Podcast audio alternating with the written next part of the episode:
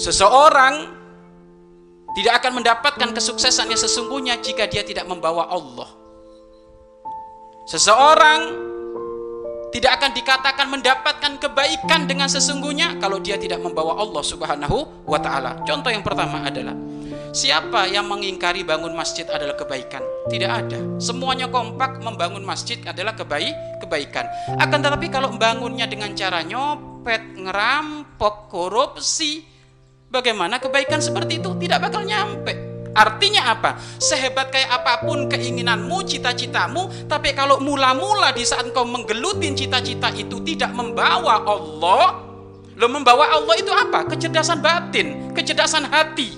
Tidak faham orang membawa Allah kalau hatinya tidak beri, beriman. Karena kalau mengandalkan akal ya kalau akal itu hitung-hitungan satu tambah satu dua, dua tambah dua empat.